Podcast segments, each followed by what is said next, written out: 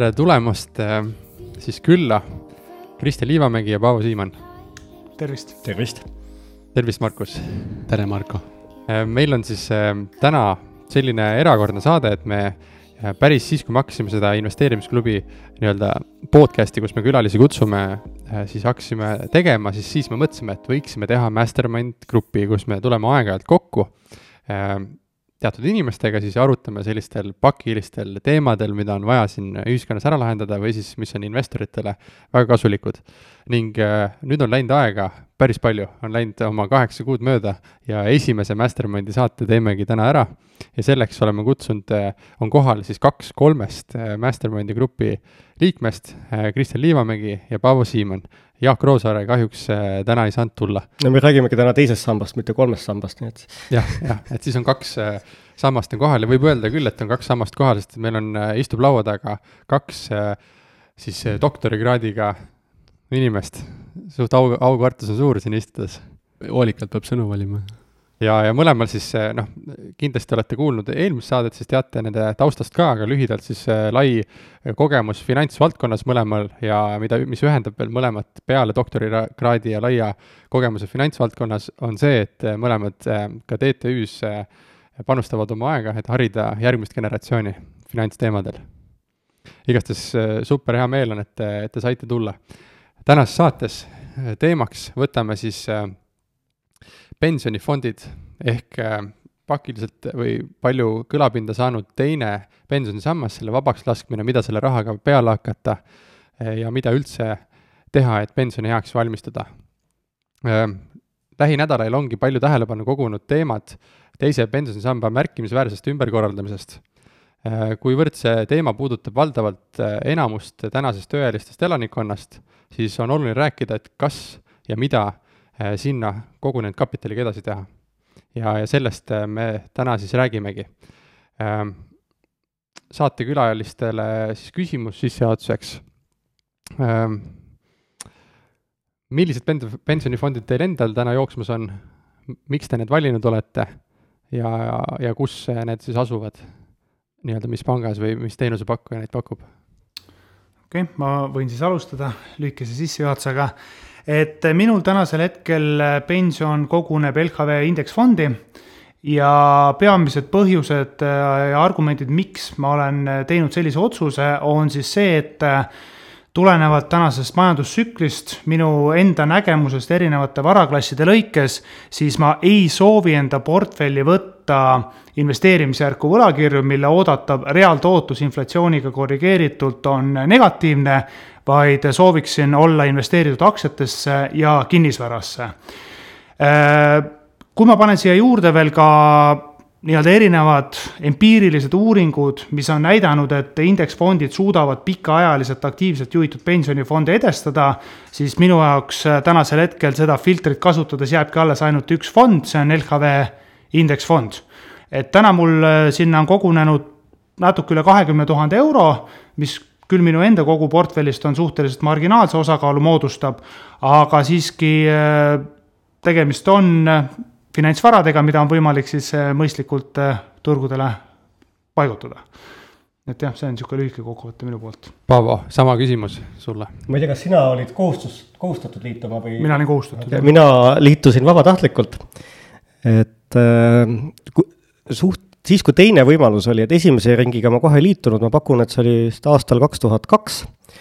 Ja ma arvan, et äh, ma olin selles mõttes nagu turundajatele hea saak, et ma läksin ilusti turunduse õnge, et ma mäletan siiamaani neid reklaame, kuidas äh, Andrus Veerpalu nägi juba selline eakas ja rõõmus välja ja ja üks vanem proua Leida Sevruk hüppas langevarjuga kuskilt alla ja, ja oli ikka heas tujus ja ütles, et äh, te check it out baby baby või midagi taolist, et nii et tänu heale turundusele ma vabatahtlikult teise sambaga liitusin ja ma võin öelda, et ma hakkasin täna mõtlema, et ma pakun, et see on vist kõige passiivsem investeering minu portfellis, sest ma ei ole sellega mitte midagi teinud, ma olen seal Swedbanki K3-s olnud kogu aja.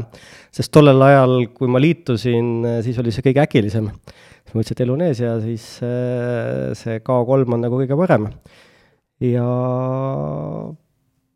sii-, siis vahepeal, kui oli võimalus peatada, siis ma peatasin. Aga jah, seal K3-s ma olen. Markus, sama küsimus sulle ka, kuna meil on siin mastermind'i arutelu, siis äh, kõik võivad panustada ja teeme sellest sellise mõnusa vaba arutelu. Mm,. ma olen äh, Kristjaniga samas paadis tegelikult, et äh, suhteliselt siis, mina olen täna, eks ole, kakskümmend kaks aastat vana, sisuliselt natuke aega peale seda, pärast seda, kui ma sain täisealiseks, siis tulid need indeksfondid välja, kuna toona ma juba teadsin, et äh, et noh, pikas plaanis on mõistlik eelistada indeksfonde, siis ma selle valiku kasuks ka võtsin, kuna LHV toona oli esimene ja mul oli natuke sihuke praktika, tööalane, emotsionaalne side ka selle ettevõttega, siis ma nagu selle kasuks võtsin. ja, ja siis sisuliselt ma arvan, et jätkan seal nagu nii kaua kui vähegi võimalik. minul endal on... siis on äh, tulevas äh, ka indeks siis fond, nii nagu see tuleval on üles ehitatud, seal ma hoian ja võib-olla küsimus ka, et, et mis siis, äh, miks LHV, miks mitte Tuleva?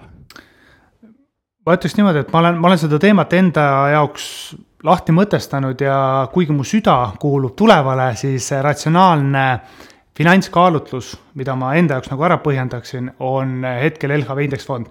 puhtalt seetõttu, et Tuleva ei paku seda võimalust, et ma saaksin investeerida kas siis ainult aktsiatesse või siis aktsiatesse ja kinnisvarasse.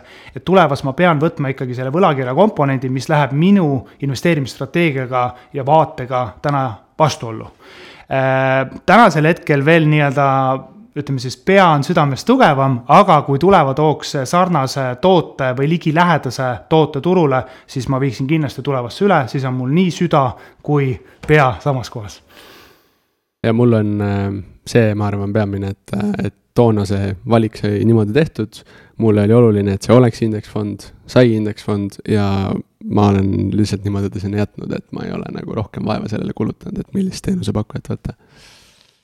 ja, ja Paavo, miks vahetanud siis ei ole vahepeal? no ma olen siin jälginud ja Tuleva on selles mõttes väga tervitatav äh, oma turule tulekuga.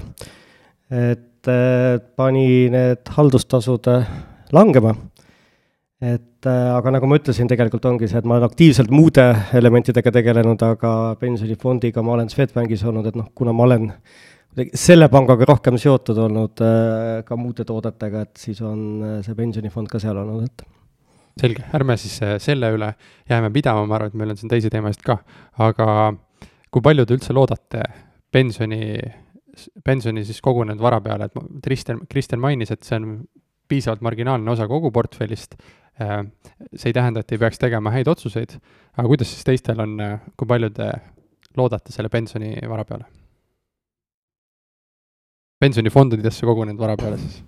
no mina seal Pensionikeskuse lehel olen arvutanud, et umbes äh, iga, ma olen aru saanud niimoodi, et iga kümne tuhande kohta, mida sa oled siis suutnud koguda, sa saad nelikümmend eurot kuus lisapensioni ehk siis no minul on seal praegu umbes kuuskümmend tuhat, et eh, noh, arvatavasti tuleb veel juurde, aga aga mitte väga palju, et, eh, et noh, et siis see oleks nagu kuskil kakssada viiskümmend eurot ja nii edasi, et mis oleks nagu pool praegust pensioni, et eh, no ütleme nii, et tuleb, ütleme, tasub pilku peal hoida, aga, aga minu jaoks on oluline suuremate numbritega tegeleda. Hea vastus, hea vastus Markus? ma keskendun sellele, et ikkagi ise nagu luua endale sihuke aktiivne portfell, mis ei ole otseselt seotud pensionifondiga, et et, et noh, vaadates kasvõi seda rahvastikupüramiidi ka, siis ma üldse olen nagu selles osas päris negatiivselt meelestatud, et ma üldse nagu kuidagi sinna pensionile nagu jõuda võiksin et äh, fookus on ikkagi kindlalt sellel, et ise pigem midagi, see üles ehitada endale. pakun, et sa otsustad ise, millal sa pensionile lähed, mitte seda, mida sulle riigivõim ütleb, et no, jah. nüüd tuleb pensionitunnistusele järgi, et. jah, see on lõppeesmärk võib-olla, kuidas sul on? Äh, ma tahtsin just öelda, et aga selle järgi ei hakata, ei hakka riik sulle pensioni maksma, kuna sina otsustad, et sa pensionile lähed, vähemalt veel mitte äh, aga ei oskagi rohkem midagi lisada, et ei, ei looda kuigi palju, et on ka piisavalt marginaalne äh, osa võib-olla portfellist äh, ja aina marginaalsemaks ta jääb. aga see ikkagi nii kaua, kui ta on kohustuslik, nii kaua ma investeerin teda mõistlikusse kohta, natuke rohkem äh, südamega, äh, et, et aidata kaasa sellele just, et, et seda valdkonda ka eest veeta-, veetakse. ma võin öelda korra tagasi tulles, et noh, et miks ma, siis ma küll ütlesin, et ma olin turundajatele hea saak siin eelmise kümnendi alguses, aga tegelikult mis mind köitis selle asja juures, oli see, et et ta oli see kaks pluss neli süsteem ehk siis äh, noh, kui ma praegu ostaksin, ma ei tea, Tallinna Sadama aktsiaid tuhande euro eest, siis kahjuks keegi ei anna mulle kahte tuhandet eurot juurde, et osta veel aktsiaid. aga selle puhul äh, oli see, et see kaks pluss neli oli tegelikult see, mis mind nagu inspireeris, et mm. -hmm. ma enda poolt võib-olla ühe niisuguse hiljuti just avastasin niisuguse motiveeriva teema ka sinna juurde või siis ütleme, demotiveeri-, demotiveeriva teema. et kui ma mõtlen, ma olen kümme aastat, põhimõtteliselt varsti saab täis kümme aastat aktiivselt palgatööd teinud kahel või kolmel erineval töökohal ja kõikidest saanud sihuke ütleme, sotsiaalmaksu maksnud suurusjärgus kolm kuni viis korda rohkem kui keskmine eestlane ja ma olen selle ajaga suutnud enda pensionifondi tõusvas turufaasis koguda ainult kakskümmend tuhat eurot, siis tänasel hetkel noh, sisuliselt see katab ära minu aastased äh, kulutused. et ei ole väga demotiveeriv, et äh, selle peale, või väga motiveeriv, et selle peale loota, et äh, minu jaoks see rea-, noh, need summad on lihtsalt natuke liiga väiksed minu mm. jah, soovide yeah.. eks mis see peaks olema siis kümme pluss kümme või, või mis see Mastermindi ettepanek on? jah see hea küsimus, et ma, ma ütleks niimoodi, et ma arvan, kui tegemist on kogenud eh, või siis finantsturgudest huvitava investorina, siis varem või hiljem ta avastab, et tuleb hakata ise aktiivselt tegutsema, sissetulekuid tõstma ja ise investeerima, et noh, meil tänasel, tänasel hetkel nagu selguski, et eh, meil kõigil on see pensionifond ikkagi suhteliselt marginaalne osa kogu portfellist. jah, ehk siis noh, selle peale väga me ei looda. jah, pigem küll, aga noh, kuna plaanis on mitmed suured muudatused, siis ma arvan, et selle, nendega ongi tegelikult hea siin jätkata, et mis need endast kujutavad praeguste spekulatsioonide hinnangute kohaselt ja, ja kuidas nad võiksid üldse meid ja kõiki teisi investoreid mõjutada. et siis laias laastus äh, kahekümne üheksandal mail kaks tuhat üheksateist aastal avaldatud äh, Postimehe andmete põhjal on siis kavas neli peamist muudatust kus siis äh, valitsus soovib anda inimestele võimaluse oma tulevased maksed teise sambasse peatada. Äh, lisaks on plaanis kaotada kohustus kogutud raha kasutamiseks, sõlmida siis, sõlmides kindlustuslepingu ja lubades siis teise samba raha kasutada enne pensioniea saabumist. Ja siis äh, võimalus on ka lubada edaspidi teise samba raha hoida enda investeerimiskontol ehk siis ise oma pensionivara eest nii-öelda vastutada, väljamaksed teise samba fondidest investeerimiskontole tehakse siis pärast avalduse esitamist kahe aasta jooksul ja fondide vahetamise, fondide vahetamisega samadel tähtaeg, tähtaegadel. ja, ja siis teise samba pensioni kogumist jätka, jätkavad inimesed saavad õiguse esitada avalduse, mille alusel kantakse teise sambasse tehtavad maksed kaks pluss neli protsenti siis edaspidi teise samba fondide asemel otse investeerimiskontole ja samuti siis, mis on minu jaoks oli sihuke kõige suurem küsimärk või konks kogu selle asja juures, et valitsus kavatseb lubada inimestel võtta välja kogunenud raha, makstes ära kõrgendatud määraga tulumaksu. ja küll siis pole veel selge, et mis see kõrgendatud määr endast kujutaks.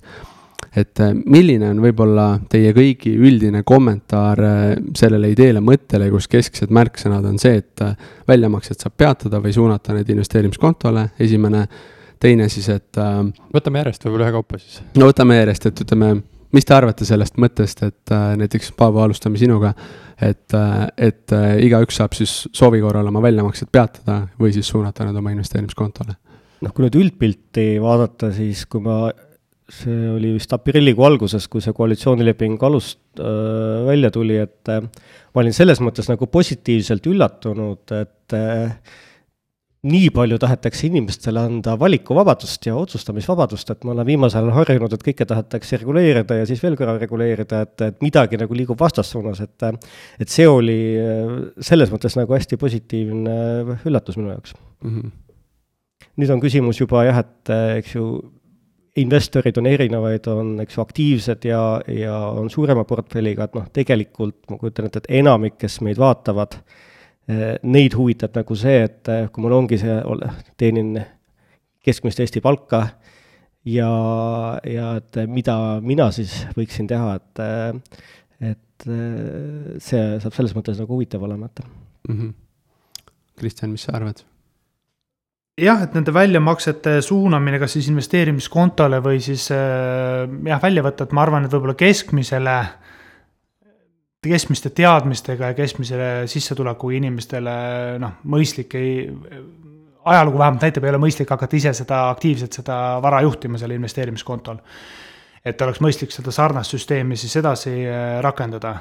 -hmm. küll aga tõenäoliselt arvestades seda sihtrühma, kes siis äh, meid võiks kuulata või vaadata, siis äh, seal kindlasti on inimesi, kes on piisava kompetentsustasemega, et nad suudaksid need otsused ise teha ja ka edukalt teha, siis noh, mina isiklikult enda vaatenurgast olen ka siis võtnud vastu otsuse, et tõenäoliselt kui neid järgnevaid makseid plaanin ma ikkagi siis investeerimiskontole suunata ja neid hakata siis ise investeerima mm. -hmm. olgu selleks ükskõik, kas siis in, in, indeksfondidesse või siis aktiivselt valida muid varaklasse, muid instrumente noh, küsimus on, et mida kogunenud rahaga teha, eks ju mm, -hmm. et noh, see sõltub eelkõige siis sellest tulumaksumäärast või täiendavast tulumaksumäärast, mis seal rakendub, eks seal tuleb need numbrid Excelisse korra sisse panna ja, ja läbi mõtestada ja mm -hmm. lahti mõtestada enda jaoks mm. -hmm. no ma olen ka selles suhtes Kristjaniga nõus, et eh, noh, et see, tegelikult see teema jagunebki kaheks, et üks on see, mida olemasoleva kogunenud pensionirahaga teha ja teine on siis see, et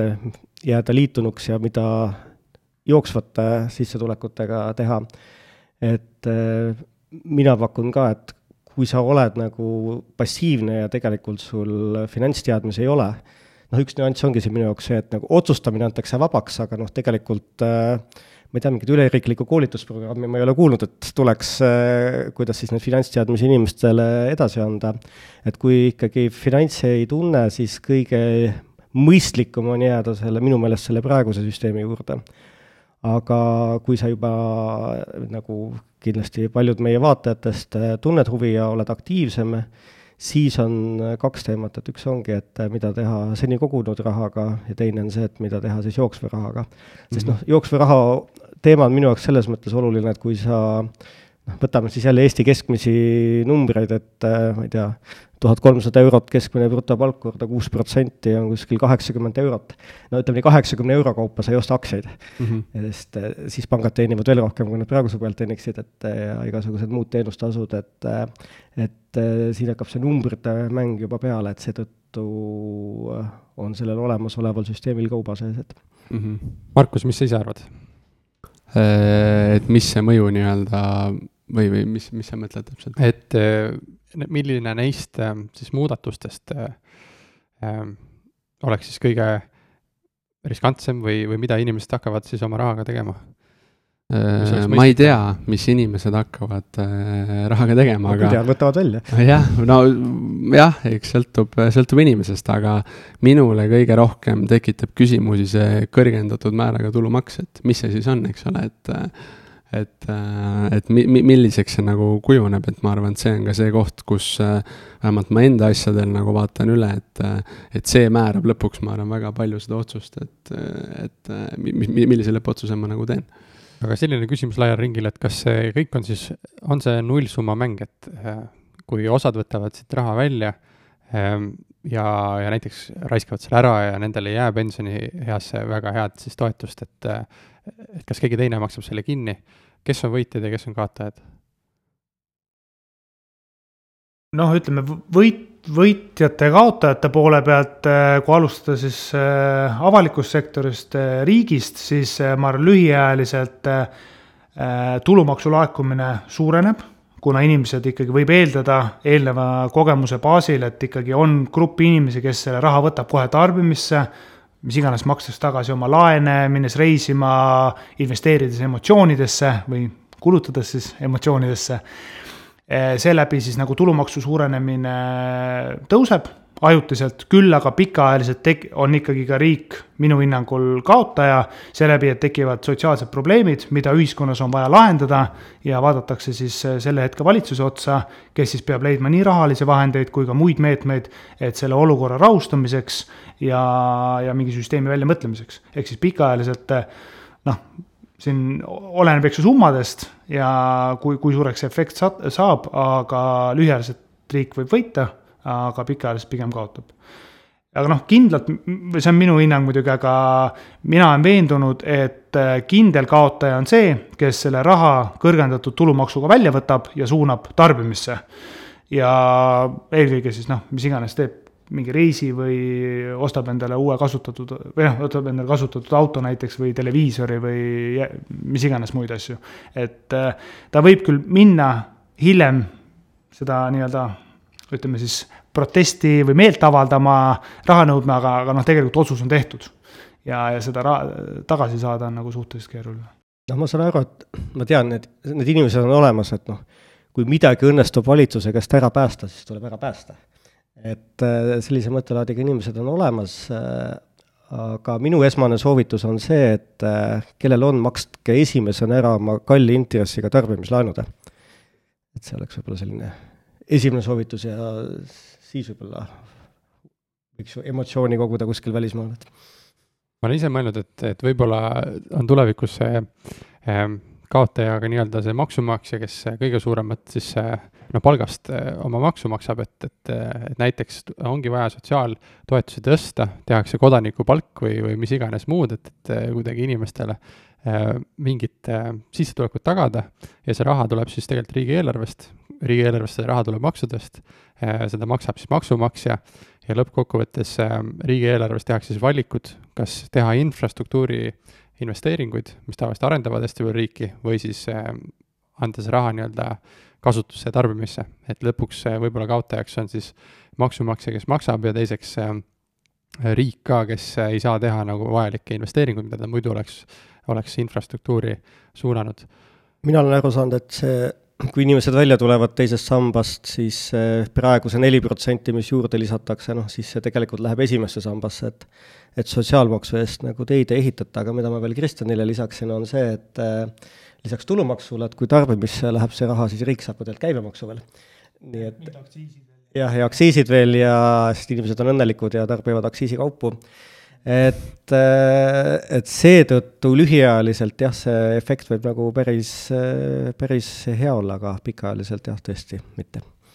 aga korraks võtame ette selle äh, väga aktiivse investori siis rolli, mida meie siin laua taga enamasti oleme, et mida siis aktiivne investor võiks siis tegema hakata, et natuke korraks põgusalt käisime seal läbi, Kristjan mainis, et mainisid, et, et siis see jooksvad maksed suunaksid siis investeerimiskontole, mida saab ise nii-öelda majandada ja, ja, ja kogu need raha, seda peab vaatama siis, mis sellega teha, mis on tulumaksumäär.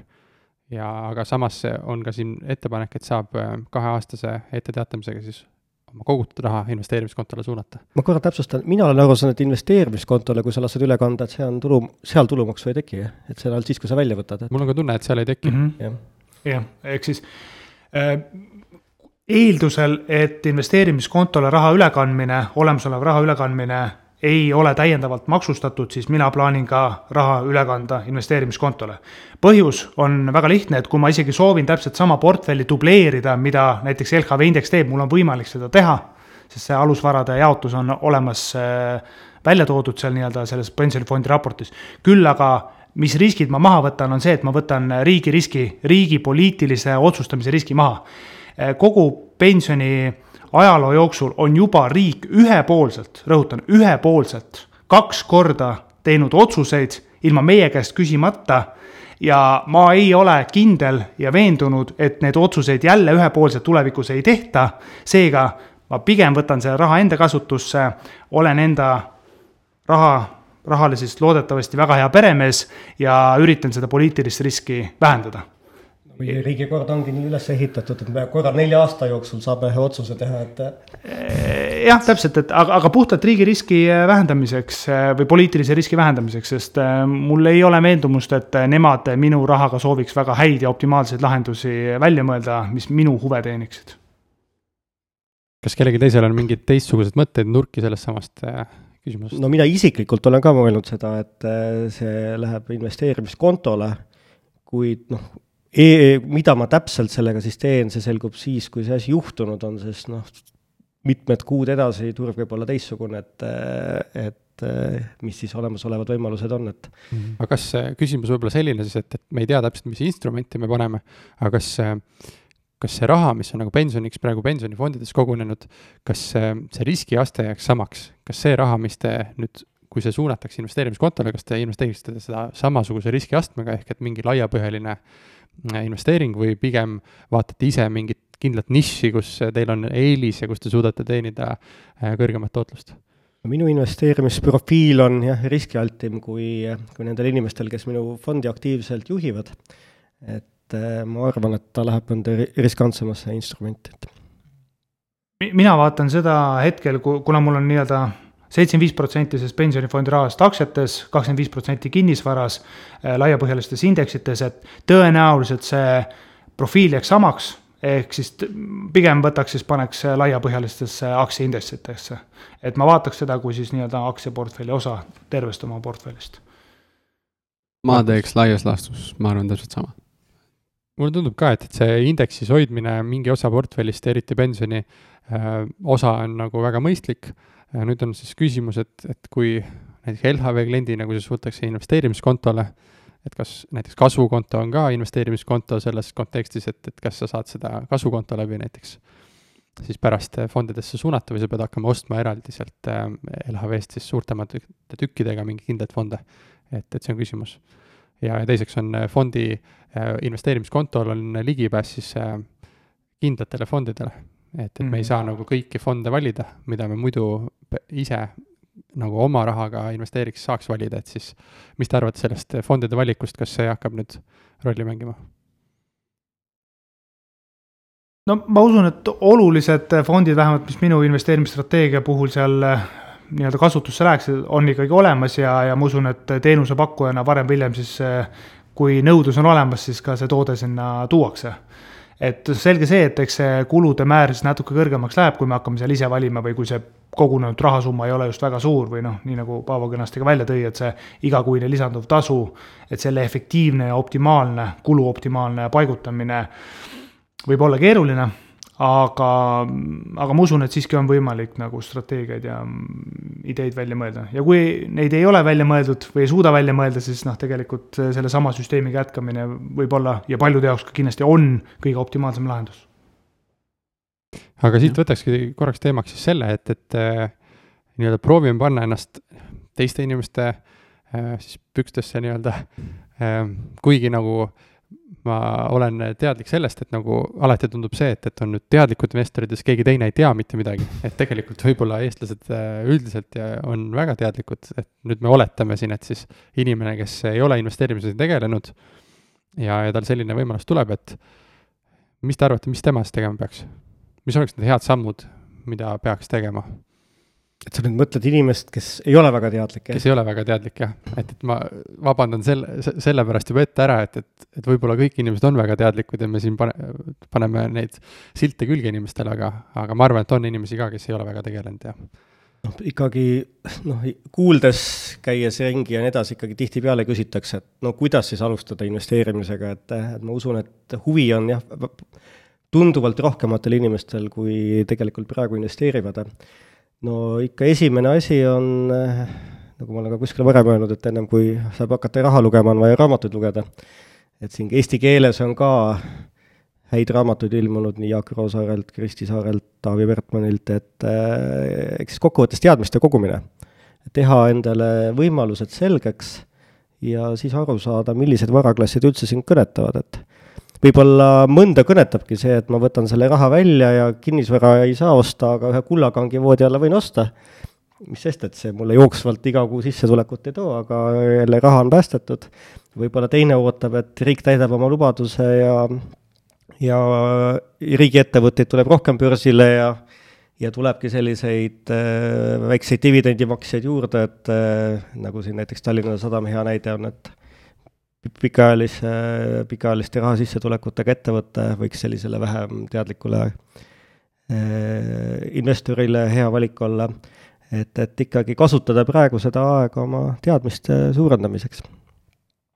mina astuks veel korra sammu veel tagasi ja võtakski ühe hea praktilise näite, eh, minu ema kes ei olnud kohustatud selle sambaga liituma, aga nüüd on tal see võimalus olemas. Ja ma ütleks, et esimese sammuna eh, lisaks teadmiste hankimisele eh, tegelikult sellel süsteemil on oma positiivsed aspektid, just nimelt see kaks pluss neli, ehk siis iga euro, mis sa sisse paned, riik paneb sulle raha juurde. see on ikka väga korraliku võimendusega investeerimine ja sihukest instrumenti mujalt turult leida on väga keeruline küll aga jah, et äh, arutasime seda teemat ka põgusalt äh, emaga ja, ja päeva lõpuks ikkagi jõudsime järeldusele, et arvestades tema aktiivsust ja teadmiste taset, on temal ikkagi kõige mõistlikum minna seda indeksfondide teed ja rahulikult seal kas siis olemasolevas süsteemis edasi koguda või siis äärmisel juhul sinna investeerimiskontole viia, aga selgelt see juba siis nõuab natukene aktiivsem tegelemist, mis paljudele inimestele võib-olla ei kõneta neid liiga mm. -hmm. ehk siis eh, võib-olla noh, selles mõttes ma tegelikult ema, ema käest saingi sihuke ausa tagasiside, kuidas tõenäoliselt võib-olla sama generatsiooni inimesed päris paljud mõtlevad niimoodi mm. -hmm. sellest olekski tegelikult mu järgmine küsimus just olnud, et kui nii-öelda vabu otsustusvahendeid, võimalusi tuleb juurde, et mis te just arvate sellest, et kas inimesed nagu peaksid hakkama teadlikult rohkem aktiivseteks investorid, investoriteks või ongi see, et noh, mind ei huvita see, ma ei taha sellega tegeleda igapäevaselt väga palju ja las ta nagu olla, et, et noh, kuidas te arvate, et Kristjan, sa ütlesid ära, aga Paavo, mis sa arvad, et kas tuleks nagu teadlikult hakata äh, tähelepanu suunama sellesse, et olla aktiivsem investor, kaasatud rohkem või mitte? noh, kui öelda, et tuleks, et keegi ütleb, peab tegema, see tundub selline kohustus, et eh, eks meil kõigil on kakskümmend neli tundi ööpäevas ja me ise otsustame, mis me selle ajaga teeme, et eh, noh, nii palju ma võin öelda, et eh, investeerimine on jõukohane kõigile lihtsalt seal ei tule mingeid keerulisi integraale arvutada ja nii edasi, et seal lihtsalt on vaja kurssi viia ja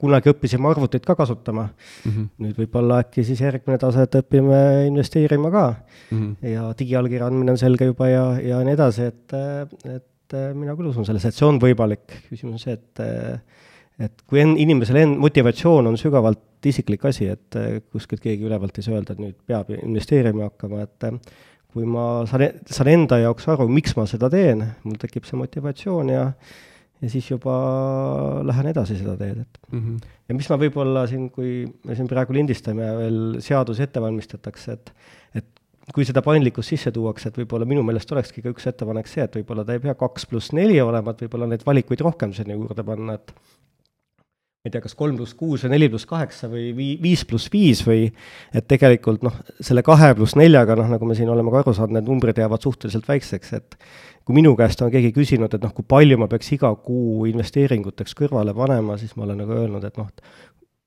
alusta minimaalselt kümme protsenti. et ja siis püüa siis seda säästumäära kogu aeg äh, suurendada ja, ja, ja Jaak Roosaare raamatust saad juurde infot, et kuhu, kuhu peaksid välja jõudma mm. -hmm. et, et võib-olla jah, teha ka seda poolt nagu vabamaks ja, ja kui see tõesti jääb kaks pluss neljaks, et siis tegelikult ise veel vabatahtlikult just sinna juurde panna mm. -hmm. Marko, mis sa arvad, et kas see on äh, valdkond, milles tuleks nagu teadlikult võtta vastutus ja hakata push ima või, või on ka see fine, et tõstan käed üles, ütlen, ma ei taha, ma ei pea, ma ei oska ja, ja, või mis su nägemus on?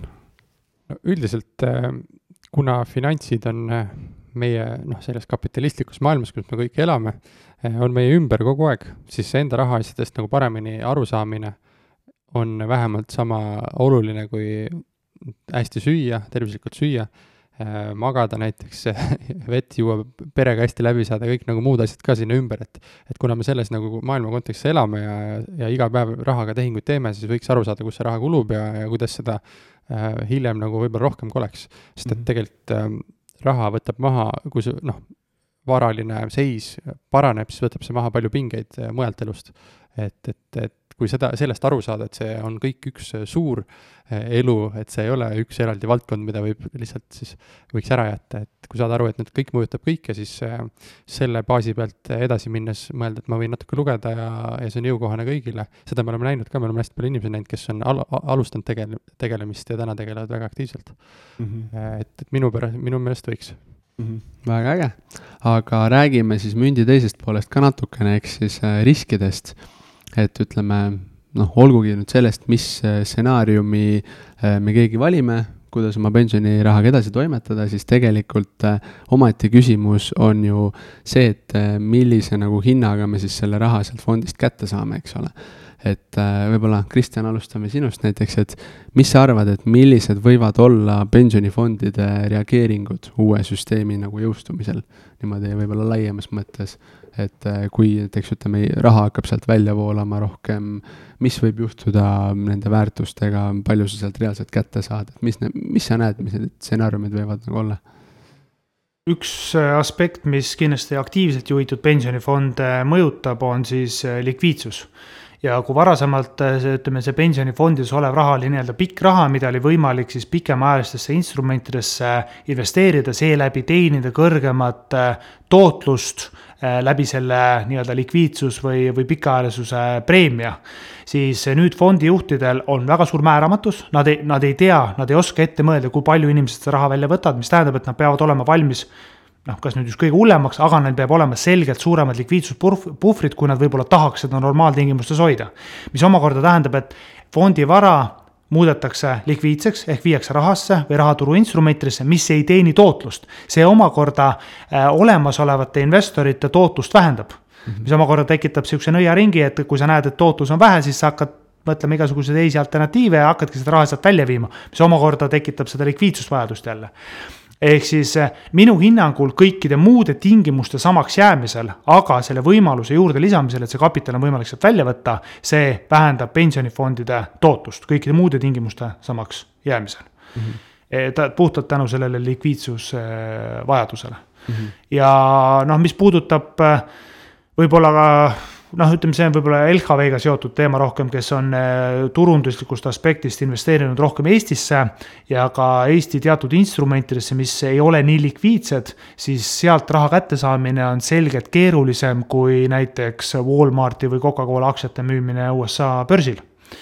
ja see näiteks noh, neil on ka Arco vara näiteks, et noh, kui nad peaksid hakkama suuremas koguses Arco vara müüma, siis selgelt see hakkab ka turuhindasid mõjutama mm. -hmm ehk eh, siin on omad eh, riskid, eh, mis siis olenevalt mastaapidest ja mahust võivad negatiivse avaldumise korral mõjuda negatiivselt pensionifondi varade NAV-ile mm. -hmm avamis. mina jälle ootan seda, et kui nüüd nagu öeldakse, et tooteid tuleb turule juurde, et äh, hakatakse rohkem võistlema ja tahetakse paremaid tulemusi näidata et äh, võib-olla noh, natuke teine näide, aga vahel on päris huvitav vaadata, kuidas hoiu-laenuühistud muudkui reklaamivad, et meil on pool protsenti parem hoiusintress ja nii edasi, et et äh, midagi, midagi sinna suunas, aga jah, ma olen selles mõttes nagu nõus, et kui nüüd iga hetk saab kogu aeg välja võtta, siis, siis see määramatus seal tõuseb. aga noh, mida ma tahaks veel juurde lisada, et kui sa selle raha väljavõtmise peale üldse nagu juttu viisid, et ma ei tea, kui palju te olete kurssi viinud, aga noh, praegune süsteem, et kui sul on üle kümne tuhande euro kogunenud pensionifondi, siis sa pead kindlustuslepingu sõlmima. ja, ja mina olen aru saanud, et siis tegelikult su raha kasv peatub, eks ju. et äh, ma ei tea, ma kuskilt lugesin, et Eesti meest või Eesti meestel on arvestatud keskmiseks pensionieaks, siis ma tahtsin öelda kasulikuks elueaks finantsi. et äh, keskmiseks pensionieaks kuusteist aastat et äh, nii, et see nelikümmend eurot äh, kümne tuhande euro kohta, mis sa saad esimesel pensioniaastal ja see nelikümmend eurot, mis sa saad kuueteistkümnendal pensioniaastal, äh, sealt on inflatsioon juba ka võib-olla kolmandiku ära söönud, et -hmm. et see on ka veel teema, millega on vaja tegeleda ja et see väljavõtmine, kes sinna teise sambasse jäävad, et see muutuks nagu inimlikumaks ja see, see raha kasvaks ka sel ajal, nii et nii et eh, seaduste koostajatel minu meelest siin tegevust praegu on mm. -hmm.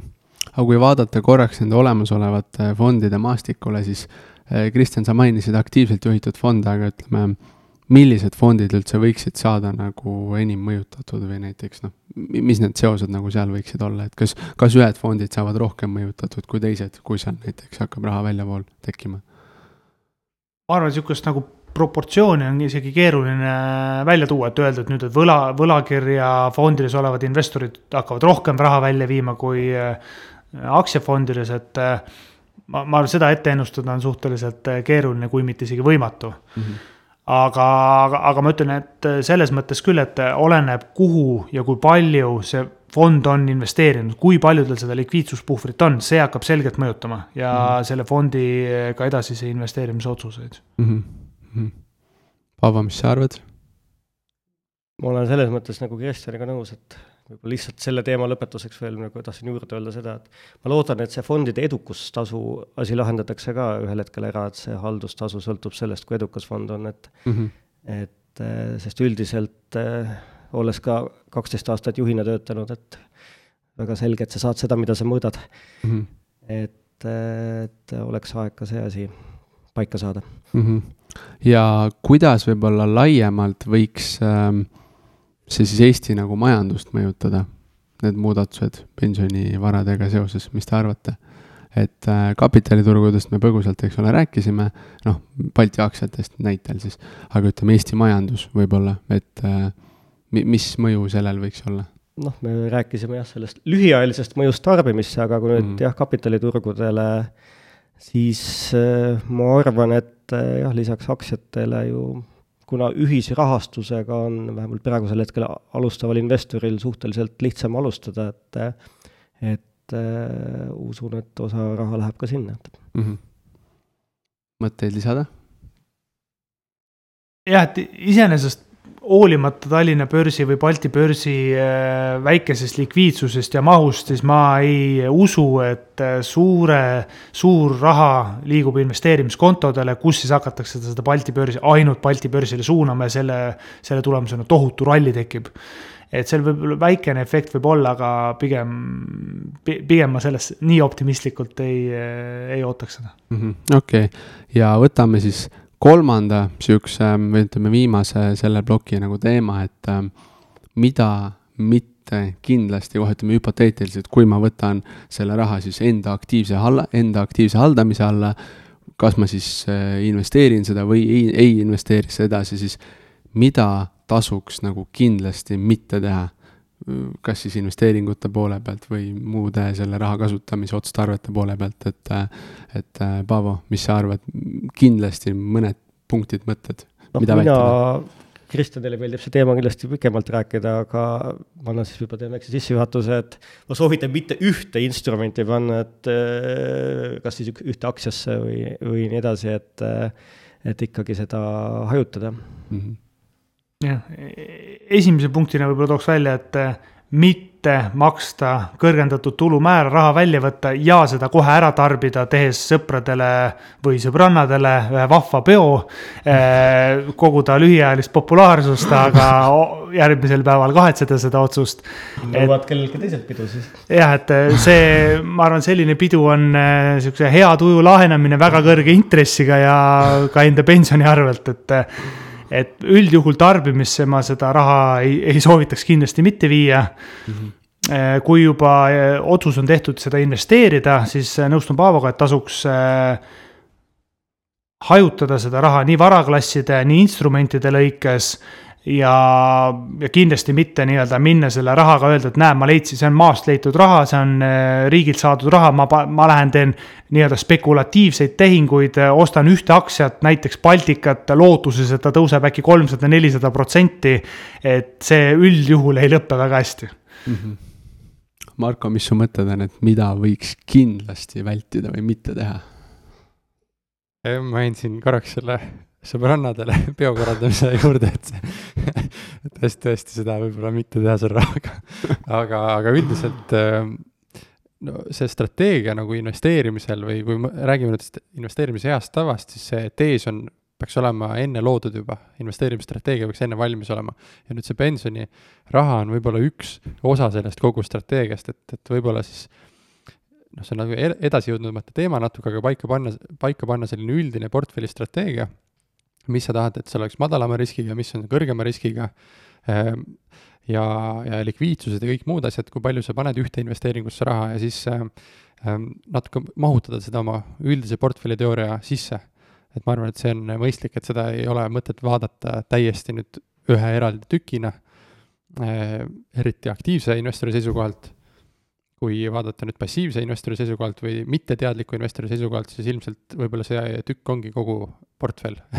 Et, et siis, siis on ka sellel oma strateegia tegelikult, et ma noh, me rääkisime need teemad läbi, kus seda raha võiks paigutada, jätta võib-olla indeksfondidesse ja nii edasi, et et, et üks soovitus jah, et vaadata suuremat pilti, mitte ainult, ainult seda ühte nüüd rahasüsti nii-öelda.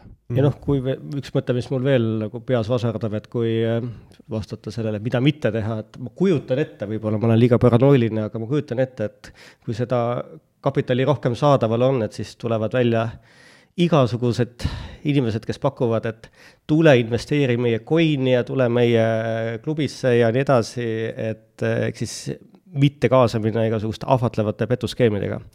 et ma näen, et see risk suureneb äh, nende, nende muutuste tagajärjel, et olla mm -hmm. ikkagi teadlik ja aru saada, mida sa teed mm. -hmm. et kui aru ei saa, siis äh, ära mine, ära tee, et Mhm, väga hea mõte. aga võttes siit kogu teemat nüüd kokku, on vaja anda nüüd äh, sellised, et nüüd mitte jääda seda jutuks ja siin Mastermindis on hea meel rääkida siin sellest ja tollest, aga mis on need äh, sammud, mida siis äh, inimesed tegema peaksid järgmisena, mida nad homsest hakkavad nüüd tegema teistmoodi, teades, et see pensionireform siin tuleb ja, ja midagi muutub, et Markus, vastad ise esimesena. jaa, võin teha. mina arvan seda, et noh, ma tegelikult jagan seda mõtet, et investeerimine kui selline, ta ei ole nagu niivõrd raketiteadus, et nagu Paavo ütles, integraale ja seitsmenda järgu dif-, diferentsiaale ei ole tarvis arvutada. et ma arvan, et täiesti mõistlik alustuseks võiks olla see, et lihtsalt platsi nägemist tekitada selles valdkonnas ja kurssi viia ennast põhitõdede, põhitõdedega. ja siis juba ma arvan, et sealt võiksid hakata kooruma välja edasised ideed varaklasside strateegiate osas, et mida siis edasi teha ja mis võiks sobida nagu endale, enda riskiprofiilile lähtuvalt. doktorid mina esimese asjana soovitaksin äh, vaadata peeglisse, küsida enda käest, et äh, kas ma olen aktiivne investor, kas ma olen teadlikum investor äh, või mu teadmised ei ole ikkagi väga head. ja kui vastus on, et ei, mu teadmised ei ole piisavalt head või mul ei ole piisavalt aega, tahtmist, motivatsiooni tegeleda sellega, siis tegelikult see olemasolev süsteem, kaks pluss neli, jätkata nii, nagu ta on, väga okei lahendus. ja kui sa ütled, et jah ma olen aktiivne investor, mul on aega, motivatsiooni tegeleda sellega, siis juba nii-öelda järgmised sammud, esimene samm, võtta lahti Excel, arvutada välja siis konkreetselt selle ajahetkel selle tulumaksumäära, määraga, eh, kui seda, kui see on teada, et millised on need alternatiivid, millised on need võimalused, kas siis võtta oma investeerimiskontole see raha, jätkata samaviisi või siis eh, nii-öelda selles mõttes võtta sellest rahasüsteemist välja ja panna näiteks kuhugi mujale, oma ettevõttesse kinnisvarasse või muudesse alternatiivsetesse varaklassidesse, ehk siis hakata reaalselt tööd tegema. nii et äh, jah, see oleks minu mõte. noh, siin ongi küsimus jah, et kui laiali see investeerimiskonto tõmmatakse, et et millistesse instrumentidesse sealt saab üldse investeerima hakata, et, et see on siis võib-olla niisugune väike piirang, mis, piirang, mis ka tekib. aga täiendades Kristjanit, et kuna siin vastu vaielda ei ole põhjust, et siis äh, et võib-olla soovitus nendele, et kes ei ole veel liitunud, et siis tasub liituda teise sambaga. sest seesama, see eeldusel, et see kaks pluss neli või see osa, see osa jääb. ja, ja mis soovitusi me anname nüüd äh, nendele inimestele, kes meie mandaadiga need otsused vastu võtavad? ehk et siis äh, poliitikutele, et, et mis siis äh,, kuhu suunda seda asja siis ajama peaks? Oleme siin palju ettepanekuid juba teinud, kuhu suunda seda kõike ajama peaks, et nüüd tuleb, nüüd tuleb kokku võtta neile, et nad saaksid selle saate lõpu endale ette võtta ja selle paberi peale kirjutada ja siis vastavalt käituma hakata. et ma selles mõttes arvan, et see on nagu nutikas, et äh, sellele väljavõtmisele panna kõrgendatud tulumaksumäära, et noh, sellega tegelikult antakse ka väike vihje, et äh, võib-olla äkki ei tasuks. sest see kui tavaline tulumaksumäär läheb peale, see on selles mõttes arusaadav, sest hetkel me ei maksa teise sambasse mineva raha pealt tulumaksu, sellega sa lükkad tulumaksu edasi.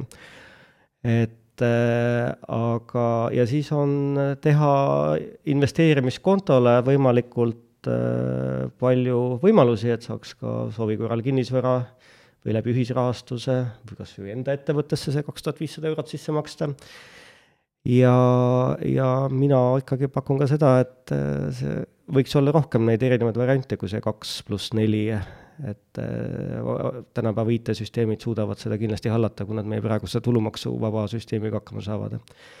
ja siis äh, minu soovitus on veel see pensionifondide haldustasu teha edupõhiseks ja lisaks sellele kindlasti, mida Paavo ka eelnevalt juba mainis, väljamaksete süsteem tuleb lahti siduda kindlustuslepingutest või teha see selliselt, et ka pensionil olles see vara jätkaks kasvamist.